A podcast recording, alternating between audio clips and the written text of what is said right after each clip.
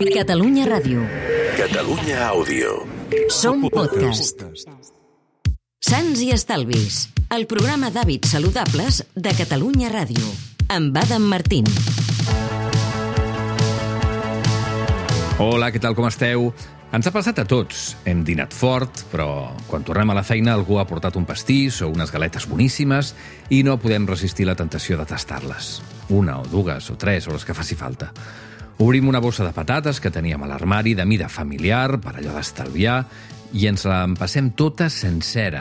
O anem al cinema després de dinar, hem dinat bé, però demanem crispetes mida XXL per tenir alguna cosa per fer mentre mirem la peli. I a banda de mirar la peli, ens passem sencera tota aquella quantitat de crispetes. Què ens passa? Avui als Sants parlem de la gana que no és gana. We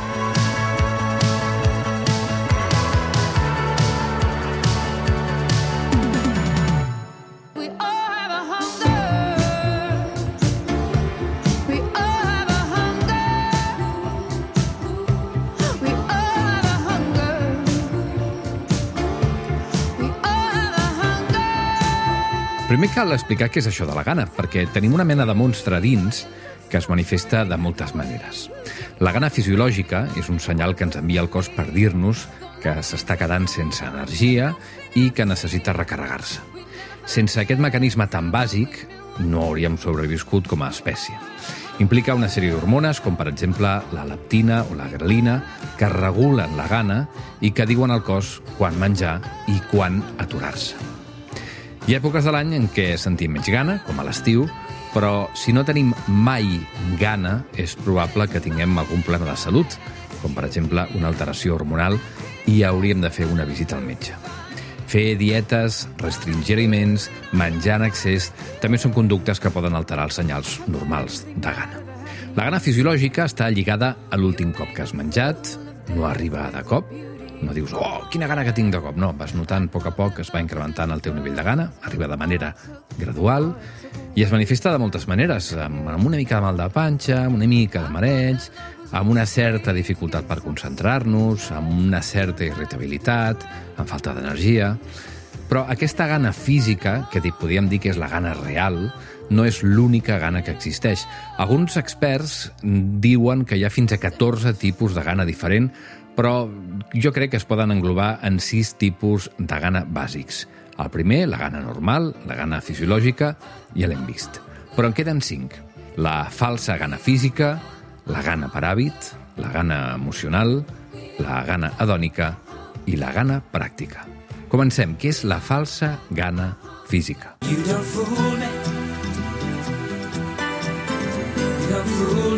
La falsa gana física a mi m'interessa molt perquè té a veure amb la mala tria d'aliments i amb determinats processos metabòlics.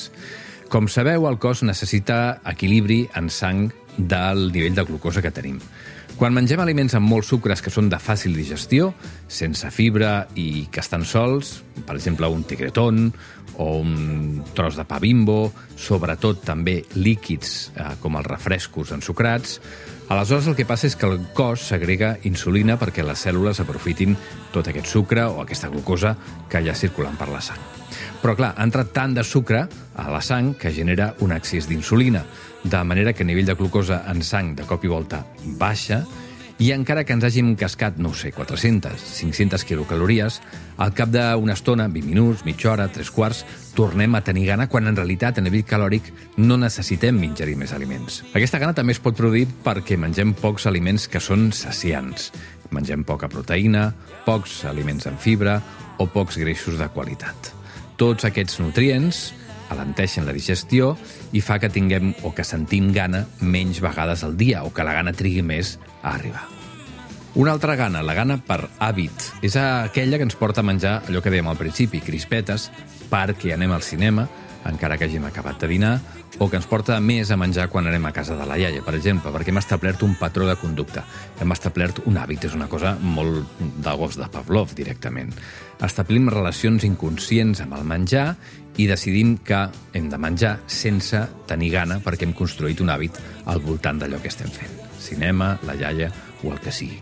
Aquesta ens passa moltíssim, per exemple, quan anem amb els amics a fer un, una cerveseta i acabem picant sense tenir gaire gana, perquè estem acostumats a associar la beguda, la cerveseta o el que sigui, amb menjar unes olives o unes braves o el que sigui. Una altra gana, aquesta és molt interessant, la gana emocional.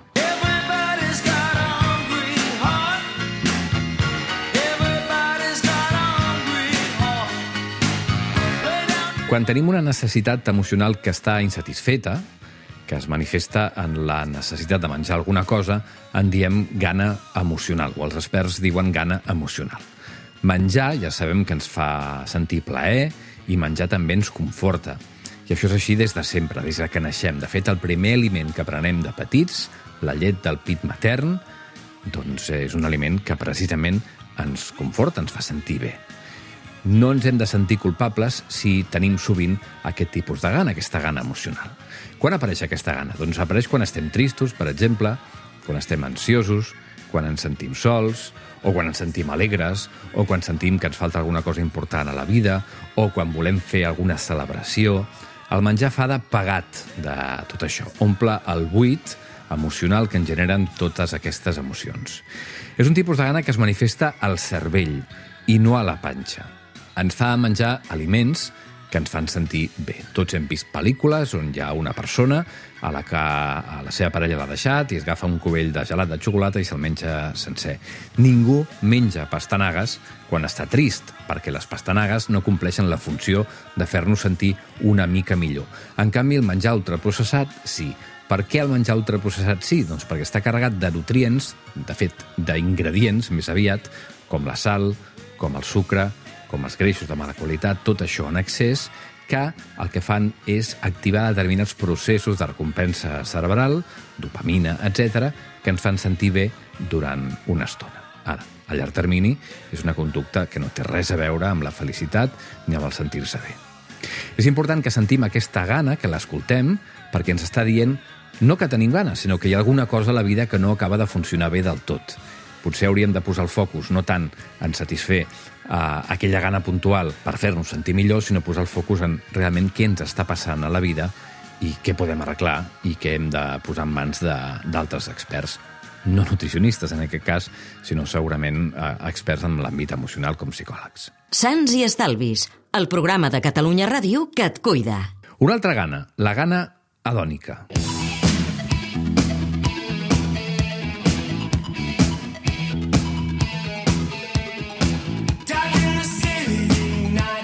Aquesta és una gana que es manifesta de vegades, no sé, estàs ple, has dinat fa molt poc, però algú parla d'alguna cosa que ha menjat fa poc, o passes per davant d'una pastisseria i sents aquella olor...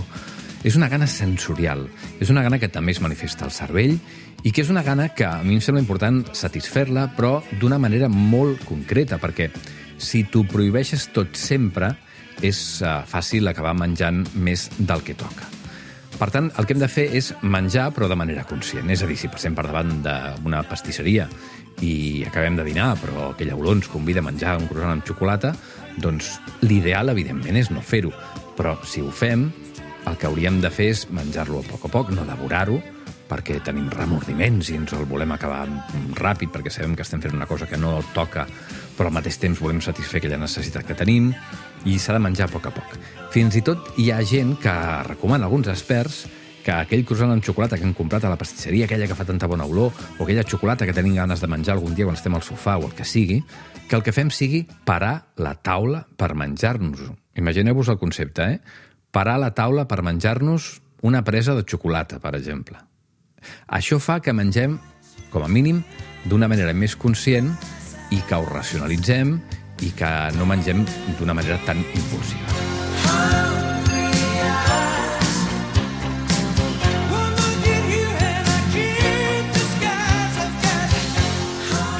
Un altre tipus de gana, la gana pràctica. Aquesta és una gana que consisteix en planificar amb antelació determinades situacions eh, alimentàries. Per exemple, ara mateix no tinc gana, però sé que no podré dinar fins, no sé, les 4 de la tarda i ara són les 12. Per tant, no tinc gana, però ara menjo alguna cosa en previsió de tenir gana després. Aquesta gana no es manifesta de cap manera, és senzillament una decisió conscient que prenem, perquè estem sempre molt pendents d'allò que hem de menjar i del que no. Eh, no ho sé, tens una reunió llarga, faràs un avió, has de fer esport, has de prendre un medicament amb menjar i si no tens gana gairebé mai t'estàs recuperant d'un trastorn alimentari, per exemple, també passa, no? T'has de, d'alguna manera, planificar la decisió de menjar. O, per exemple, no sé, no vols menjar la merda de la màquina de vending eh, que hi ha a la feina i esmorzes a casa aliments sants, amb poca gana, però per si de cas, en previsió, perquè saps que si no esmorzes, quan arribis a la feina i et trobis davant de la màquina de vending, el més probable és que sucumbeixis, que et rendeixis i que acabis menjant qualsevol producte d'aquella màquina de vending. Per evitar-ho, moltes persones el que fan senzillament és esmorzar a casa sense tenir gana per no posar-se davant de la màquina de vending amb tota aquella gana que tenim. Els que defensen l'alimentació intuïtiva creuen que mai s'ha de suprimir cap tipus de gana, que s'ha de respectar sempre, perquè aleshores el monstre eh, encara s'ha més gran si no el respectem. Jo crec que ni una cosa ni l'altra. Crec que hi ha algunes ganes que sí que potser les hauríem d'aprendre a controlar, com per exemple aquesta falsa gana física, i en qualsevol cas, si optem per no controlar cap tipus de gana, hem de racionalitzar les coses i pensar això que m'estic menjant, què està satisfent realment? Això que em poso a la boca, quina necessitat satisfà més enllà de la necessitat nutricional? Són coses que hem de pensar perquè si no és molt fàcil, tenint en compte l'oferta alimentària que hi ha, hipercalòrica, a tots els supermercats i a tot arreu on anem, és molt fàcil després tenir problemes per excés d'alimentació, problemes d'obesitat, problemes d'hipertensió, problemes de colesterol, etc, per no saber controlar en un moment determinat aquella gana que tenim. Qualsevol cas, si teniu atacs de gana, qualsevol tipus d'aquests que no són gana real, la única recomanació que us puc fer si no us podeu controlar és que, com a mínim, feu l'esforç de menjar aliments reals, de menjar aliments que no siguin processats o ultraprocessats i menjar en comptes de, no sé, un litre de gelat de xocolata, menjar-se un plàtan. No és el mateix? Segurament no, però la teva salut ho agrairà. Fins la setmana que ve.